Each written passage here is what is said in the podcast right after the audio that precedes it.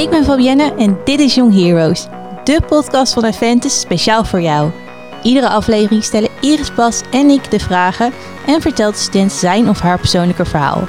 Onze jonge helden zijn eerlijk, openhartig en neem je mee in een gebeurtenis of situatie die hun leven heeft beïnvloed en vaak veranderd.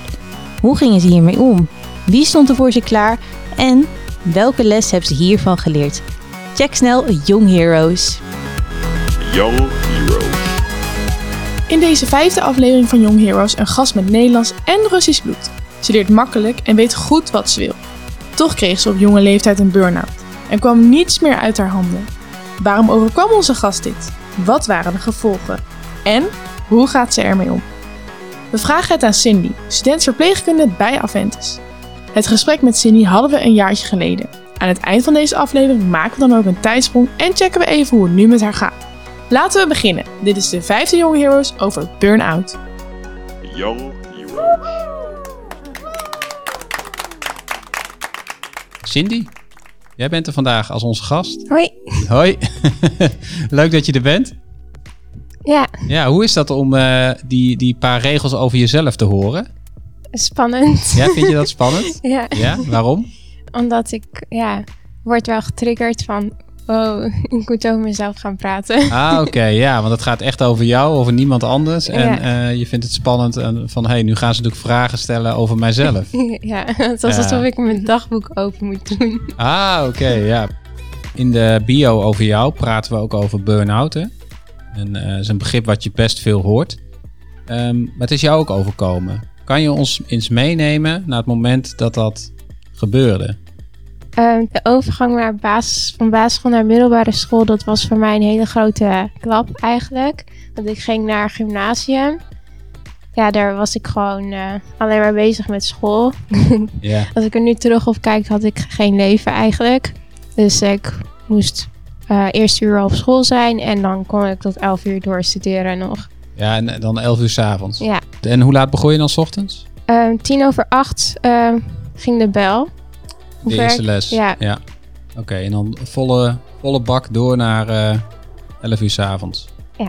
Dus jij kwam thuis van school, want ik neem aan dat je niet les tot 11 uur had. Nee, Maar dan ging je alleen maar huiswerk maken. Ja, toen- ik wa- was een beetje obsessief eigenlijk. Want ik moest het goed doen. Ik moest hoge cijfers halen. Ehm, ik was heel goed in de talen Latijns en Grieks. Ja. En Frans, Duits, Engels. Dat, daar ging heel veel aandacht naar. Maar dat is heel veel stamwerk natuurlijk. En dan heb je nog andere vakken zoals natuurkunde, geschiedenis, scheikunde. Dat vond ik ook. Ik vond, het probleem van mij was ook een beetje dat ik. ehm, dat was niet echt een probleem. Maar ik vond alle vakken interessant. En Ja. ik kan ze niet allemaal gelijkwaardig eh evenveel aandacht geven. Nee. En dat vond ik heel moeilijk. Je zegt wel iets wat mij triggert. Ik moest het goed doen. Ja. Van wie? Mezelf. Ja? Ja, want ik heb eh, gewoon die ambitie van oh, hoge cijfers. En dan, Ja. Maar dat laat me zien van dan ken ik de stof goed. Oké. Ja. Die cijfer be- bepaalde voor mij hoe goed ik de stof kende. Oké. Ja, dus, eh, maar... Oh, sorry. Je gaat ook een beetje bij hoge cijfers. Ben je een beetje aan het juichen nu misschien een beetje? Is het dan ook iets dat jou echt gelukkig maakt op dat moment? Ja, ja, echt. Ja? Ja, eh, een minimale streef is eigenlijk nog steeds. Mijn minimale streef is een 8 nog steeds. Ah, oké. Een acht? Echt? Ja, maar ik Ja. krijg het niet altijd hoor. Oh, Nee? nee, nee, maar ik was op de middelbare school echt een vijf en een half was een voldoende. Was afgerond een zes. dacht ik, nou lekker. Ik eh Afstrepen. afstrepen, de volgende kan wel weer onvoldoende, want eh, ik haal En het jij, wel. Fabienne, heb jij dat, eh, hoe was het bij jou op de middelbare school? Nou, ik was ook altijd wel heel erg aan het streven naar echt wel hoge cijfers. Maar ik zat ook meestal een beetje rond de zeven, zeg maar. Dat vond ik op dat moment echt wel prima. Als je zo jong bent en je zegt het komt uit mezelf, is het dan iets wat bijvoorbeeld in, in jouw familie iets is wat belangrijk is? Of de cultuur waar je misschien vandaan komt? Je hebt Russisch bloed. Is, Nou, dat, is dat eh, iets waar dat belangrijk is? Mijn moeder is workaholic. Ah, oké. ja. dus ik heb het een beetje van haar, heel ah, erg. oké, ja. Ja, Ja, en ehm, ja, het is. Mijn- ja, mijn moeder ja. vond natuurlijk ook, ze ondersteunde me volop voor me dat ik eh, gewoon doorging met mijn opleiding. Want ze zag Ja. hoe graag ik het wilde. Want ik wilde biomedische wetenschappen of geneeskunde studeren. dat wist je toen al op die ja, jonge want leeftijd. het komt natuurlijk ook vanwege mijn vader. Die was aan kanker overleden. Dus dat, dat eh, had denk ik ook wel impact op mijn studiekeus. Je vertelt het zo even out of the blue, maar je vader is voor jou op jonge leeftijd overleden. Ja, toen ik zes jaar was. Ah, oké. Ja, hij had, eh, heeft, ik zie nu eigenlijk ook dat hoeveel impact dat op mij heeft gehad. Ja. Heel- Ik was wel heel jong, maar het, ei- eigenlijk heeft het superveel impact gehad op mijn emotionele ontwikkeling. Ja. Ja. Ik zie het ook aan je, dat je nu... eh, het doet je wat, zeg maar. Ja, en Ja. Het, het de verdriet gaat nooit weg. Nee. Het- ja, je kan het wel, je laat het wel los, je hebt het wel verwerkt, maar je voelt het altijd als je erover begint, dan Ja. raakt het wel. Je, je noemde ook even, dat heeft ook invloed gehad op mijn studiekeuze. Waarom? Het overlijden van je vader? Ehm, dat ik wilde genezen, gewoon mensen die ziek zijn wil ik genezen. En dat wist je toen ook al. Die link legde je al tussen... Mijn vader is overleden en ik Ja. wil mensen genezen. Maar ook, ehm, nou, ik weet wel van mezelf dat ik dat altijd al, die karakter al in me had, dat ik mensen wil genezen. Ja. Eh, ik ga nog even inzoomen op je zit op het gymnasium. Je hebt al verteld, ik, ik, ik had een ambitie in me. Ik wist ook al wat ik wilde. Misschien gedreven ook door het overlijden van mijn vader. Ehm, tot 11 uur s'avonds avonds aan het werk. Ehm, maar er is dus een moment gekomen dat het niet meer ging. Ja, dus in het derde jaar eh, raakte ik overspannen en eh, ik helde heel erg veel, echt ongelooflijk veel eh, thuis. Of als ik op school kwam in de ochtend, moest ik huilen. Eh, want ik kon mijn emoties niet meer controleren ook. Ja, want ik was gewoon op. En op een, op een bepaald moment kwam mijn mentor kwam daarachter. En eh, toen eh, ging ze in gesprek met mijn moeder. En mijn moeder werd uitgenodigd op school. Ik herinner nog heel goed de avond dat mijn moeder toen thuis kwam van het gesprek. Het was 11 uur en ik zat mijn Latijnse woordjes nog in te stampen. En toen kwam mijn moeder mijn kamer binnen en toen zei ze... Ik weet niet meer precies wat ze zei eigenlijk, maar ze zei ka- eh, ze heel trots op me is en dat ze eigenlijk wil dat ik gelukkig ben en dat HAVO ook goed is. Oké. Dus en uit het gesprek, het advies van het gesprek was ook dat ik naar HAVO zou gaan. Ja. Maar dan, dan heb je op het gymnasium gezeten. Of nou ja, je zat op het gymnasium en je moest naar HAVO. Wat deed dat toen met jou? Dacht je toen echt... Jeetje, nu naar de HAVO. Hoe dan? Ja, dat dacht ik. ja. Dus ik volgde het advies niet. Ah, Want Oh, ik dacht wel van nee, nee, nee, nee. maar ik ga geneeskunde studeren of uh, biomedische maar wetenschappen. dat kan ook met HAVO, toch? Ja, dat kon ook, maar ik... ik uh, niet in jouw voel- hoofd. Ja, niet... maar ik, ik wilde niet opgeven. Ik ben echt een doorzetter. Als ik iets wil, dan ga ik ervoor. Dus Maar je- toen ging ik bij Ja. een andere school solliciteren. En het was eh, de Heemgaard in Apeldoorn. ja, En eh, toen zei ik eh, wat er was gebeurd. Mijn achtergrondverhaal wist ze. En zei ik dat ik eigenlijk op Atheneum wilde proberen. En dat mijn cijfers waren er goed genoeg voor. Want ik moest alleen Latijn en Grieks laten vallen voor de, om de druk te verminderen. En dus de cijfers waren nog wel goed genoeg om over te gaan naar Atheneum 4. En dus eh dat heb, ik dat door. heb je gedaan. ja. ja, maar hoe, hoe was het gewoon lichamelijk en emotioneel met jou op dat moment? Nou, ehm, ik herinner het meeste van toen ik echt de burn-out kreeg. Dus eh, het was voor mij een opluchting naar een andere school gaan, was verandering. Dus in mijn hoofd gebeurde er ook dat het gaf een opluchting van een nieuwe kans. Ja. Dus dat gaf mij weer een, een nieuwe kans, gaf mij weer Dus energie. ook... eh, ja, echt.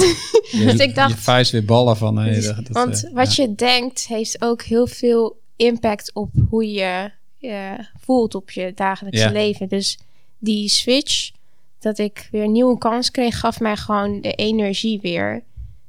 Of uh, Heemgaard werd ik ook veel begeleid. Ehm, maar ehm, ik ken de details natuurlijk niet meer, want ik ben nu 21.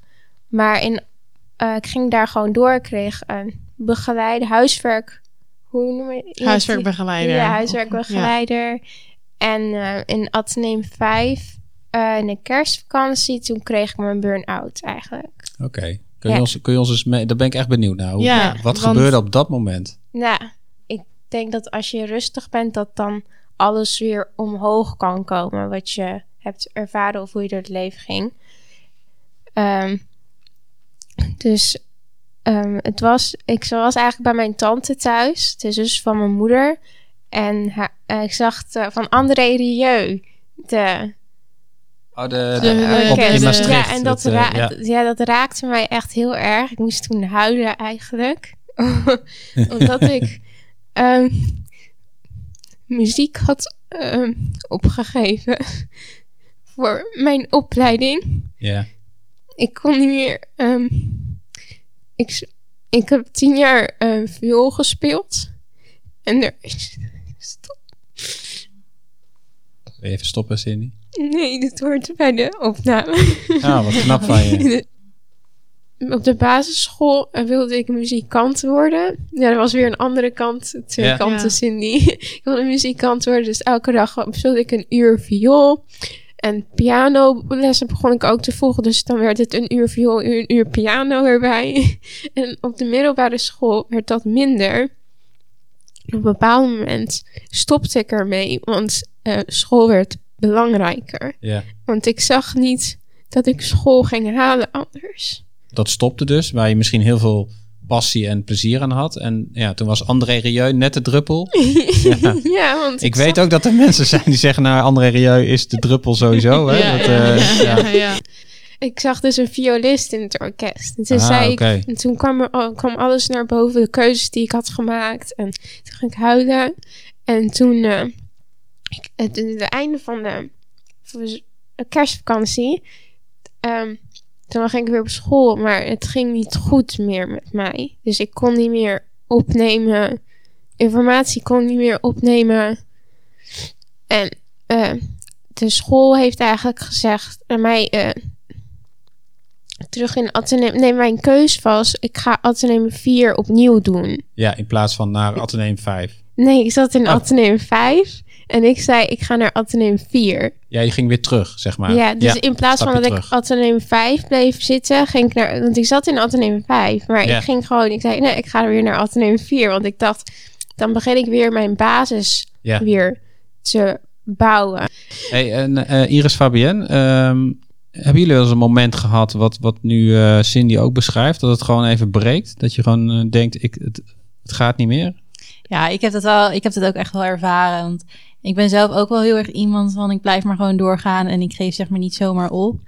Ehm, ik heb op mijn stage dat ook wel een keer heel erg gehad. Dat ik ook op een gegeven moment echt dacht van, nou ja, dit is echt wel te veel.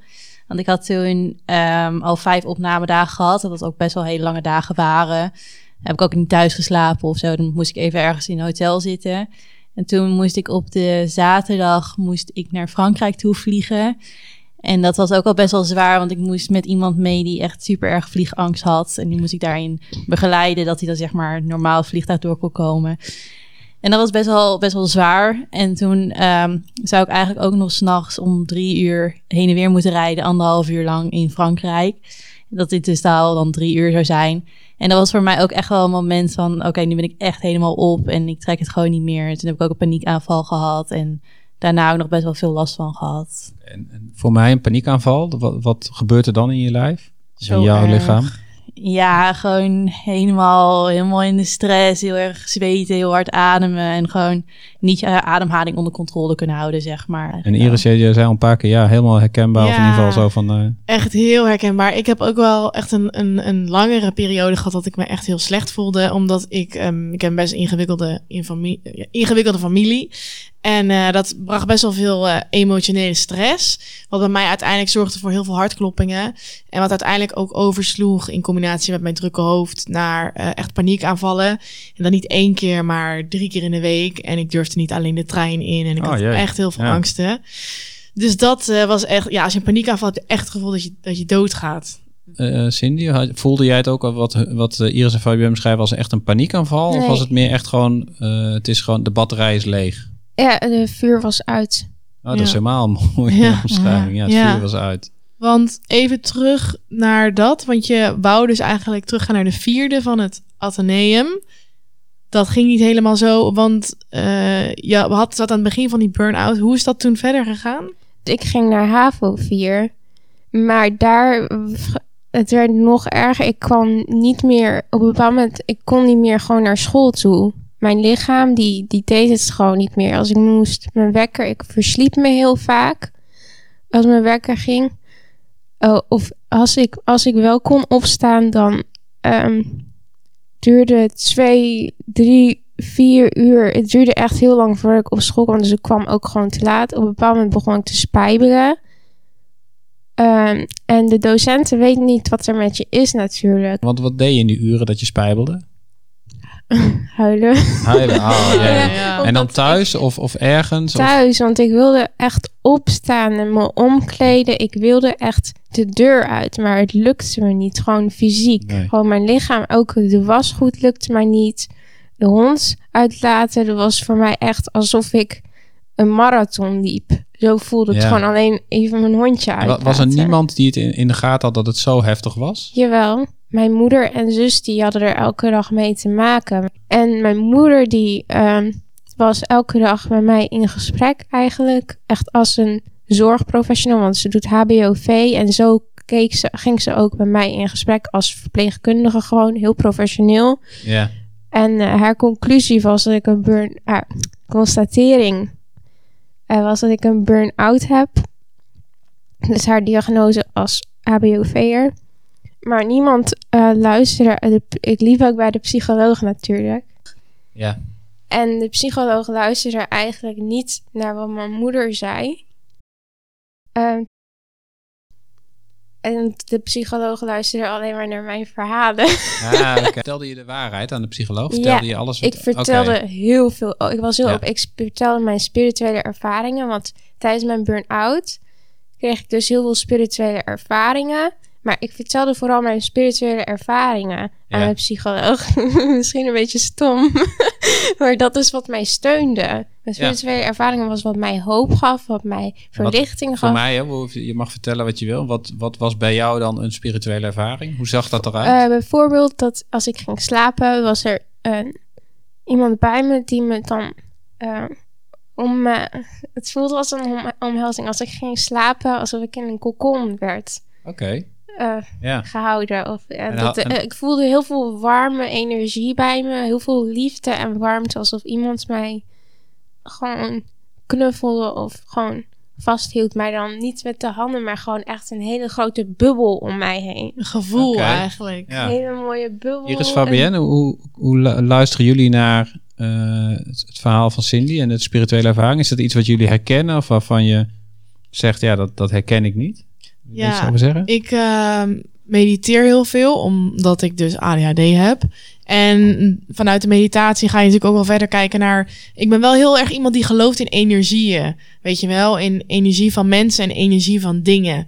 Dus ik kan me hier echt wel... Ik heb zelf niet echt ooit iets zo ervaren, maar ik kan me er wel bij voorstellen. Want ik, ik geloof wel in dat soort dingen. Ja, oké. Fabienne? Hoe Ja, nee, ik heb het inderdaad ook wel zo. Ik heb het zelf nooit zo ervaren. Maar het lijkt me inderdaad wel een hele mooie ervaring als zoiets wel op een positieve manier gebeurt, zeg maar. Ja. Ja. Ja, wa- wat ik mooi vind is dat je ook zegt van eh, het gaat er niet zozeer om wat een ander ervan vindt of in gelooft. Hè? Maar je zegt, het, ik had er wat aan, het hielp mij. Ja. Ja, dus dat vind ik mooi eh, hoe je dat maar die eh, warme kokon, is dat voor jou een gevoel? Of zit er in jouw hoofd ook een persoon aangekoppeld? Ja, er zat ook een persoon aangekoppeld. En wil je ook delen met ons wie? Nee. dat snap ik. Oké. Dat snap ik. Ja, want, ja, nou, ik kan het wel.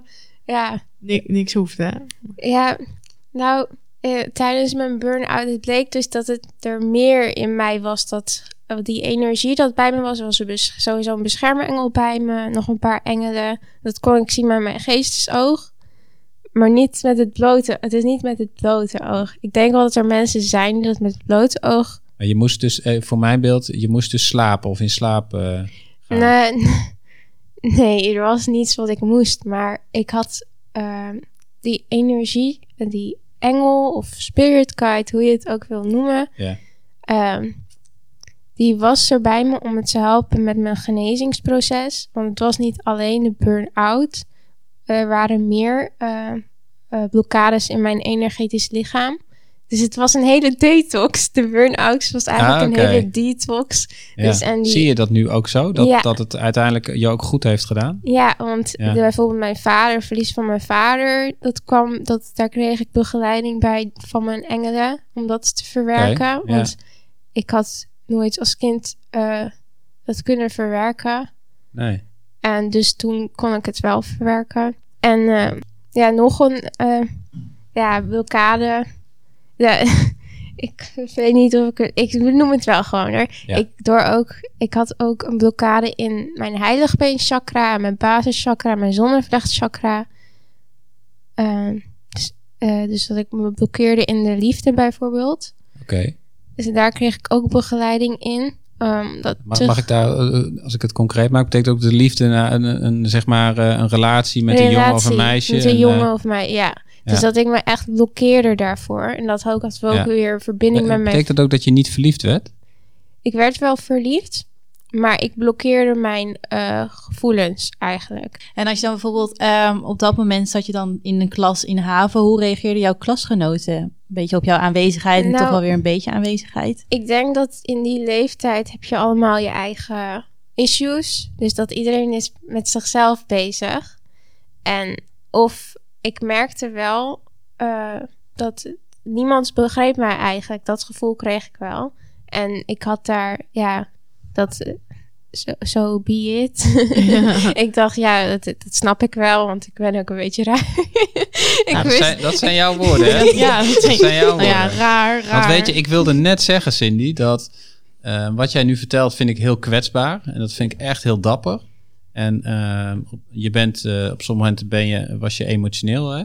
Ja. Ehm, maar aan de andere kant, ik zie jou, het- er zit ook een soort kracht in jou. Je vertelt het ook gewoon zo van, ja, ik, ik wil dit gewoon vertellen. Dus ik, ik, ik vind jou niet raar. Nee, Nee. nee. Dus. Maar als jij dat vindt, dan... eh, nee, ik vind het niet Ben jij de raar, maar- enige Nee. hier die dat vindt? ook weer, ja, oké, ik bedoel raar. Raar, op een bepaald moment raar. Ja, sommige mensen vonden me wel. Ik voelde dat sommige mensen mij raar vonden. Ja. En daar raakte ik aan gewend en ik dacht, en nu zie ik raar als iets positiefs Ja. eigenlijk meer. Ja. Normaal is ook zo saai, Nee, we maar- dan. Ja, Want ik probeer wel een beetje de lijn te volgen, hè, van, want je zit nu op het MBO. Dus er is nog een stapje ergens geweest, hè, of een, een switch, of wat Iris net ook zei, hè, een verandering. Ja. Wat, wat, wat gebeurde er daarna? Ehm, nou, eh, ik wil wel zeggen dat eh, de klas waar ik zat op HAVO, ik kreeg wel eh, een support hoor. Ja, Er wa- was wel een paar, Ja. paar leerlingen die gingen echt... We hadden zelfs een groepschat aangemaakt zo van wij gaan je helpen. met Ah. school. Ah, lief. Ja. Maar ik kon niet op school komen. nee, Dus letterlijk gewoon niet. ik kon niet. niet op school komen. Dus Ja, en betekende dat ook, eh, heel plat gezegd, het einde van de HAVO? Dat je moest stoppen met de HAVO? De school wilde mij niet loslaten. Ah, maar ja. ik kon niet op school komen. Nee. ik ging uiteindelijk naar de AMC, Academisch Medisch Centrum van Amsterdam. Ja, Voor, daar werd ik twee weken opgenomen, want mijn psycholoog die dacht dat ik een psychose had. maar dacht, dacht de psycholoog dat je misschien waanbeelden had? Of hallucinaties, dat soort Ehm waanideeën. waren ideeën? Dat Oké. Ja. want ik heb eh, mijn spirituele ervaringen gedeeld. En dat werd gelinkt met een psychose. En ik heb ooit wel een waarschuwing gehad van een vriend dat eh, lijntje, als het niet goed met je gaat, dan, en je spiritueel heel erg bewust bent en dat deelt, dan is het lijntje tussen een psychose en ja, heel klein. Dat, Ja. dat wordt heel makkelijk. Als het niet goed met je gaat en je bent bezig met spirituele dingen, dan word je heel makkelijk bestempeld als, oh, die is ziek. Ja, de mensen zich zorgen maken of het wel... eh, Nou, niet echt zorg. Ik voel me dan echt in een hokje gestopt van, Ja. ja, die is psychisch niet wijs. of En eh, een gekkie. Ja, dat is een gekkie. Ja. gekkie, ja. Dus uiteindelijk ehm, ging ik wel naar het AMC. En daar werd ik twee weken opgenomen. En eh, toen kreeg ik van de psychiater daar te horen dat ik geen psychose had. Dus ik was heel erg blij. Heb je toen gejuicht, feestje gevierd of eh, moet ik het zien? In mezelf heel stil. Ja. Maar ik wist, ik wist wat de uitslag... Het was voor mij niet verrassend. Ik wist wat Nee. de uitslag zou zijn. En eh, Maar toch heftig dat je twee weken wordt opgenomen. Omdat eh, mensen denken dat je waanideeën zou kunnen hebben. Ja. Hoe voelde dat? Dat, je, dat jij zegt, het is echt niet zo, het is echt niet zo. En dat mensen toch iets zoiets hebben van, ja, dan moeten we eerst maar even gaan testen, plat gezegd. Nou, ik begreep het wel, want ehm, niet iedereen heeft die spirituele ervaringen. Dus ik verplaatste me eigenlijk in deze psycholoog en de zorgprofessional verplaatste ik me en ik dacht, oké, heeft deze, heeft de psycholoog ehm, deze spirituele ervaringen? Nee, oké. Dan, eh, ja, dan kan ik eigenlijk niets ook geen orde. Ik kan niet oordelen. Nee. Dat doe ik ook eigenlijk niet. Je bent heel, eh, ook nog weer heel eh, netjes en, en aardig en vriendelijk voor naar mensen die om jou heen zijn, zeg maar. Professionals die naar jou kijken. Want Iris en Fabienne, zouden jullie dat ook kunnen? Dat je met zoveel eh, respect en, en compassie, noemen ze dat een duur woord, hè? Maar dat je nog met respect naar zorgverleners kijkt. Zou je dat Nou, lukken in zo'n situatie? Ik denk, als ik in jouw situatie had gezeten, ik kan nog best wel een beetje een temperamentje hebben, dat ik er me niet kan inhouden. Dat ik echt zoiets heb van, nou, wie, wie denk je dat je bent, dat je denkt dat ik het heb, weet je wel. Maar ehm, het is natuurlijk, ik snap wel heel goed jouw punt, dat je je verplaatst in zo iemand van, nou, jij hebt nog nooit zoiets meegemaakt, spiritueel gezien, dus je kan het ook niet begrijpen. Dus ik begrijp jouw conclusie dat je mij eh, daarheen stuurt, tussen aanhalingstekens. Dus ik snap het wel, maar ik weet niet of ik het zou kunnen. Dat is natuurlijk weer een verschil. Ja. Heb je misschien achteraf dan wel een beetje spijt dat je die ervaringen zo hebt gedeeld? Ja, dat is een goeie. Nee, ik geloof eh, dat. Want ik volg heel erg mijn intuïtie. En mijn intuïtie zei dat ik het moest delen. Ik, ik, ik probeer de draad even weer op te pakken van het eh, verhaal. Hè? En ehm, je vertelde, je zat op HAVO officieel, maar eigenlijk was je niet meer op school. Toen ben je opgenomen geweest in het AMC. Eh, de uitkomst was gelukkig geen psychose. Nee. En toen? Ehm, nou, ik kreeg wel een andere diagnose. En dat was dus eh, autisme spectrumstoornis. Ik weet waar die diagnose van komt. En ik ben eigenlijk hoogsensitief. Maar daar is niet echt. Maar Ik denk niet dat dat nog in het boekje staat. Maar ik heb dus ik ben heel erg gevoelig voor prikkels. Maar ik kan me juist heel erg inleven. Dus ik kan juist Ja. heel veel voelen van wat Ja. een ander voelt of denkt, zegt. Ja. Dat voel ik heel goed. Eh, die stempel van het autisme spectrum. Wat vind je ervan dat je die stempel hebt gekregen? Want ik heb iemand in mijn, in mijn omgeving die autisme heeft. Eh, het is nou niet als ik naar jou kijk dat ik denk... Oh ja, nee, ja, nee, dat klopt wel. Dat, totaal niet. Juist tegenovergestelde inderdaad. Die psychiater van het AMC die had ook zo om de auti mijn autisme zo omschreven dat het eigenlijk was hoogsensitiviteit. Maar Ja. hij gaf Ja. het niet die naam. Hij had, want je hebt verschillende vormen van autisme en de omschrijving dat hij gaf, dat was gewoon hoogsensitiviteit, maar hij benoemde de naam niet. Maar wa- Ja. was het überhaupt belangrijk voor jou dat, je, dat, dat jij een, een diagnose zou krijgen of een naam? Of was het vooral van ik wil niet eh, dat ik psychotisch word gezien terwijl ik het niet ben? Nou, ik, eh, de, ik eh, hoef, ja, ik was niet degene die vroeg om een Nee, is- diagnose. dat is ja. echt de AMC die. Ik denk dat de psychiater of psycholoog daar zo zelf dat moesten uitsluiten. Dat ze zelf een naam moesten vinden Ja. voor mij. Dat, dat denk ik dat. Want ik vroeg daar niet om hoor. Nee, dat snap ik. Nee, oké, maar soms hè, vinden, willen mensen heel graag een bevestiging of een duidelijkheid. En dat hoor ik je inderdaad ook niet te vertellen. Ik, ik haak even aan op wat je zegt nu op het MBO. Want ik wil even weten hoe ben je uiteindelijk hier bij Aventus op het MBO terechtgekomen? Ja, nou, ehm, eerst eh, probeerde ik dus FAVO-HAVO nog, dus volwassenenonderwijs. Eh, op de HAVO was hier op Aventus. Ja, ik kon ook veel al te nemen gaan doen, maar dat was niet een avondhoorn, gelukkig, want anders ging ik dat doen. Ja? die ambitie die blijft, hè?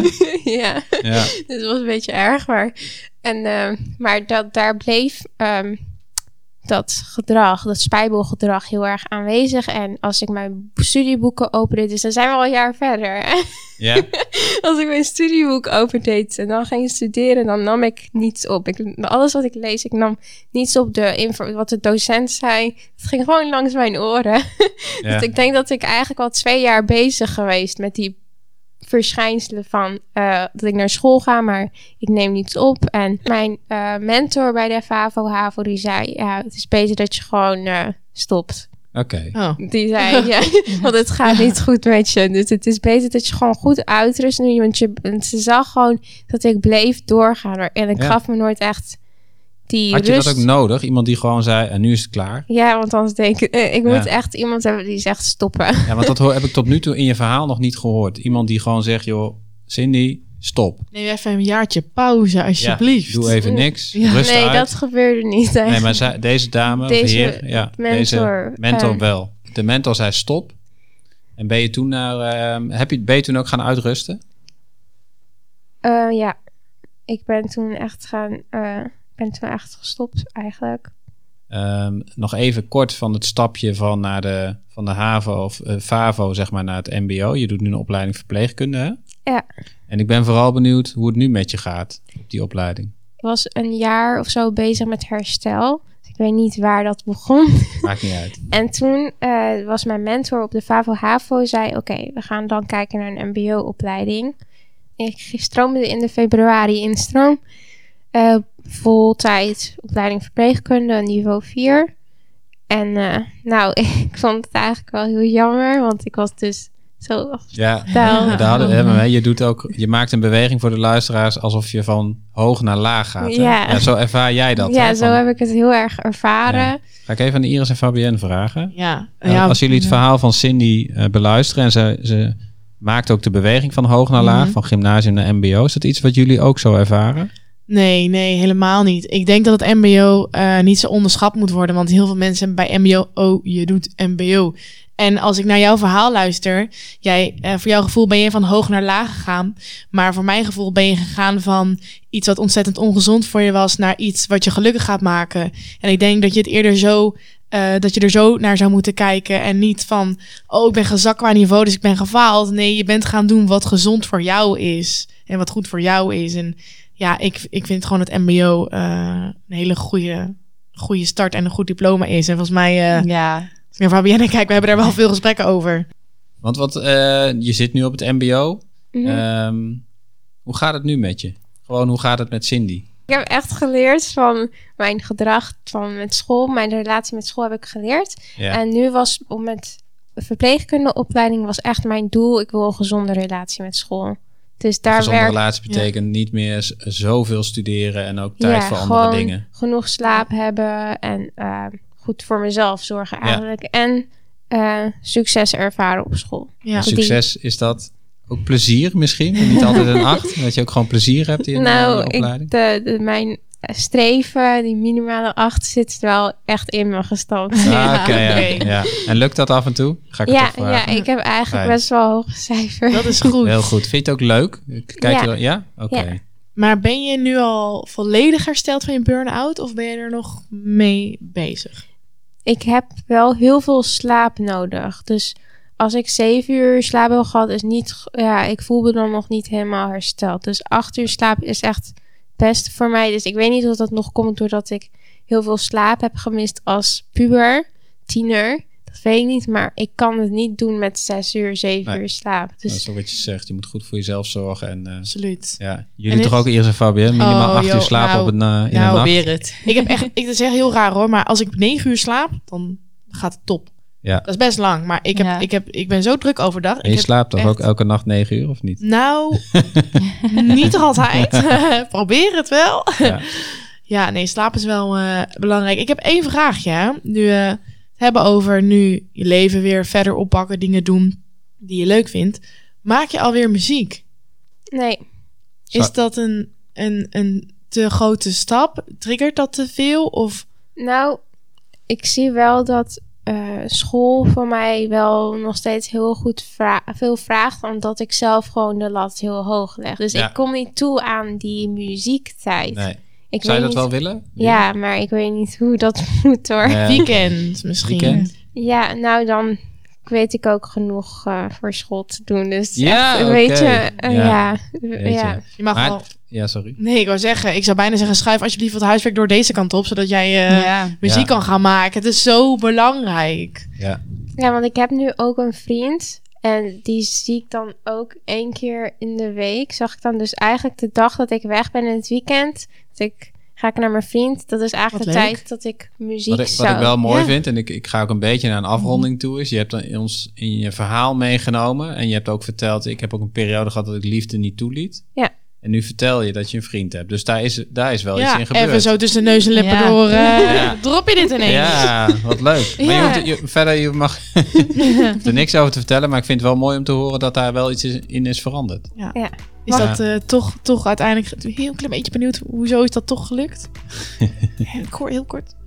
Hoe, hoe ik een vriend heb gekregen. Ja, dat je toch ineens dacht, en nu ga ik het gewoon wel doen. Ben ja, niet meer bang. nou, mijn eh, eh, spirit guide, mijn eh, gids Ja. spiritu- van de spirituele wereld, die, die zorgde er eigenlijk voor dat ik mijn blokkade, dat ik keek naar mijn blokkade en eigenlijk die, al mijn, die startte mijn genezingsproces dat mijn blokkade oploste. En dus dat duurde wel, dat duurde een heel jaar om die blokkade in mijn heiligbeenchakra op te lossen, waardoor ik toch een relatie aan kon gaan. Dus toen ik toen, maar ik moest dat Ja. mezelf echt eh, gunnen. Ik moest echt uitspreken van ik wens een Vriend. Ja, ik zei, ik zei, ik wens een romantische relatie. Ik Ah, moest het mezelf ja. echt gunnen. Dan pas opende alles daarvoor. En toen, Ja.